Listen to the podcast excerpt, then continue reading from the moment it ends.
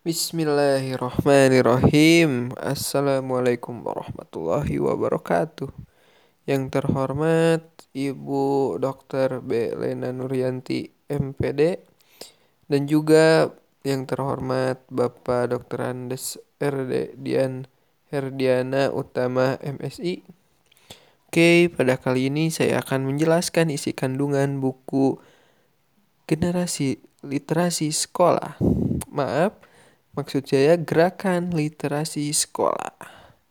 Dalam buku tersebut menyebutkan bahwasannya program gerakan literasi sekolah dari Kemendikbud e, yaitu setelah bertahun-tahun bergelut dalam program pengatasan buta aksara sekarang e, udah di-upgrade nih menjadi gerakan literasi di sekolah. Saya memandang momen ini adalah angin segar menuju perubahan substansional eh, dalam pembelajaran di sekolah. Itu artinya Indonesia sudah harus eh, menaikkan kelas pendidikan masyarakat yang mayoritas sudah bisa membaca kepada yang senang dalam membaca atau melek terhadap informasi seperti itu.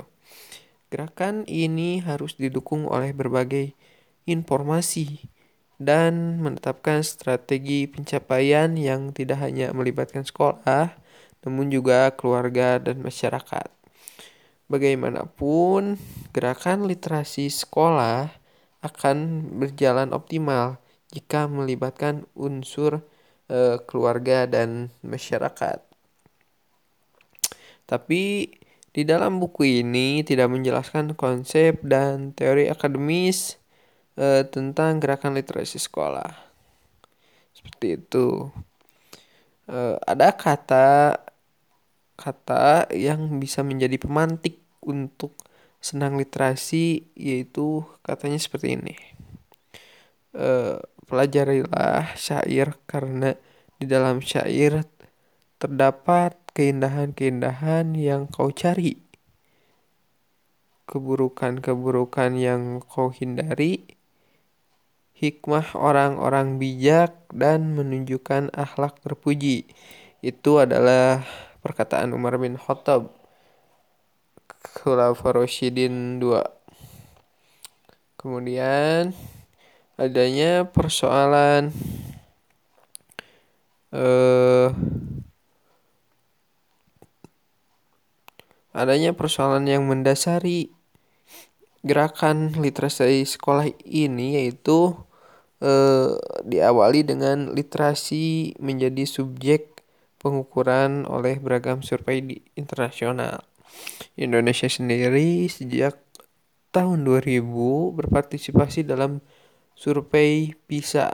Sayangnya di tiap survei tiga tahunan itu posisi Indonesia selalu berada di uh, di posisi terbawah. Maaf, maksud saya posisi di bawah. Jauh di bawah negara-negara tetangga seperti Singapura, Malaysia ataupun Vietnam. Menurut survei, ternyata bisa 2015 yang diumumkan pada tanggal 6 Desember 2016, Indonesia berada di peringkat ke 64 dari 72 negara yang disurvei. Itu merupakan uh, prestasi uh, bukan prestasi ya. Itu adalah sebuah kejelekan atau catatan buruk bagi Indonesia. Maka dari itu gerakan literasi ini wajib untuk dilaksanakan. Membaca uh, adalah salah satu aktivitas dalam kegiatan berliterasi merupakan kunci bagi kemajuan pendidikan.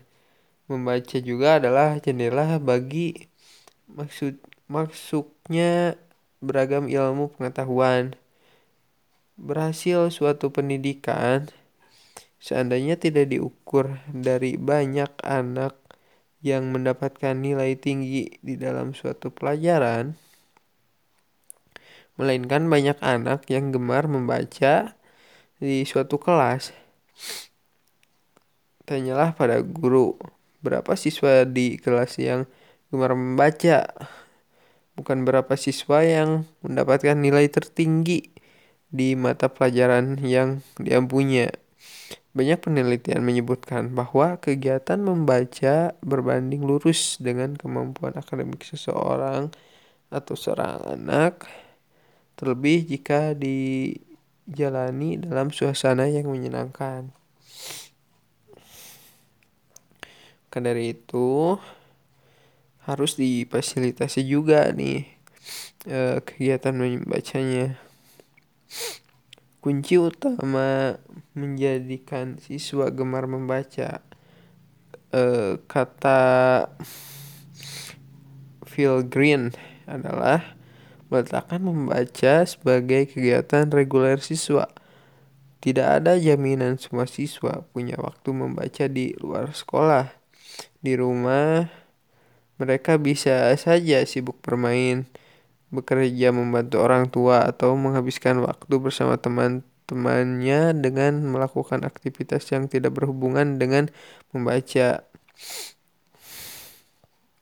Namun, jika eh, aktivitas membaca ini sebagai dijadikan sebagai kebiasaan, maka akan tertanam di dalam diri siswa tersebut eh, jiwa-jiwa eh, literasinya gitu. Sekolah juga harus menciptakan orang-orang yang suka membaca seumur hidup mereka, yaitu eh, lulusan yang terus membaca dan mendidik di mendidik diri mereka sendiri sepanjang hidup mereka sebagai orang yang dewasa gitu. Kalau itu menurut perkataan Jim Trailes jurnal pendidik dari Amerika Serikat. Ada juga permasalahan personal buku. Uh, maksudnya ada juga uh, persoalan buku nih buku di di Indonesia itu masih kurang belum merata distribusinya gitu misal di Pulau Jawa nih ada seribu buku. Nah, kalau di Pulau Bali cuma ada 100 buku. Nah, jadi uh, kurang distribusinya gitu. Bukan Bali deh, kita ambil contoh di Sumatera aja. Di Sumatera misal perbandingan dengan Jawanya satu berbanding 10. Walaupun memang di Jawa uh, penduduknya padat, tetapi juga di di Sumatera masih banyak yang membutuhkan buku tersebut gitu. Tidak bisa dilihat dari jumlah penduduk.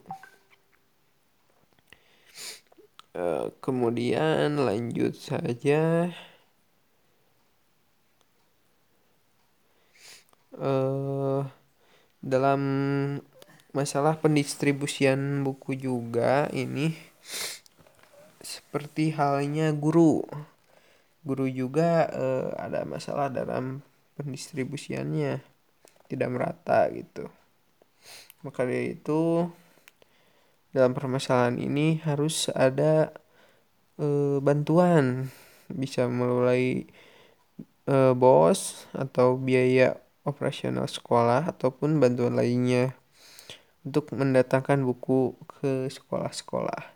Namun buku tersebut harus diselesai diseleksi dulu supaya bisa sesuai dengan uh, target utama si literasinya.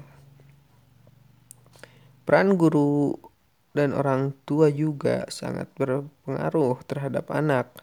Maka guru dan orang tua harus menjadi sosok teladan bagi anak supaya bisa menginspirasi anak muda. Eh maksud saya anak untuk membaca. Karena banyak kejadian eh, pengawasan dan eh, pengawasan-pengawasan dari guru atau orang tua yang kurang bisa menyebabkan eh, si anak tersebut tidak fokus terhadap eh, kegiatannya. Banyak karena banyak godaan-godaannya. Misal ada godaan dari TV atau game dan sebagainya. Sasaran perubahan di sebuah negara itu tidak lagi menyempit di kalangan orang-orang yang kurang pendidikan. Orang-orang yang berpendidikan menjadi sasaran utama perubahan di kepala mereka. Eh pelaku. Maksudnya gini intinya.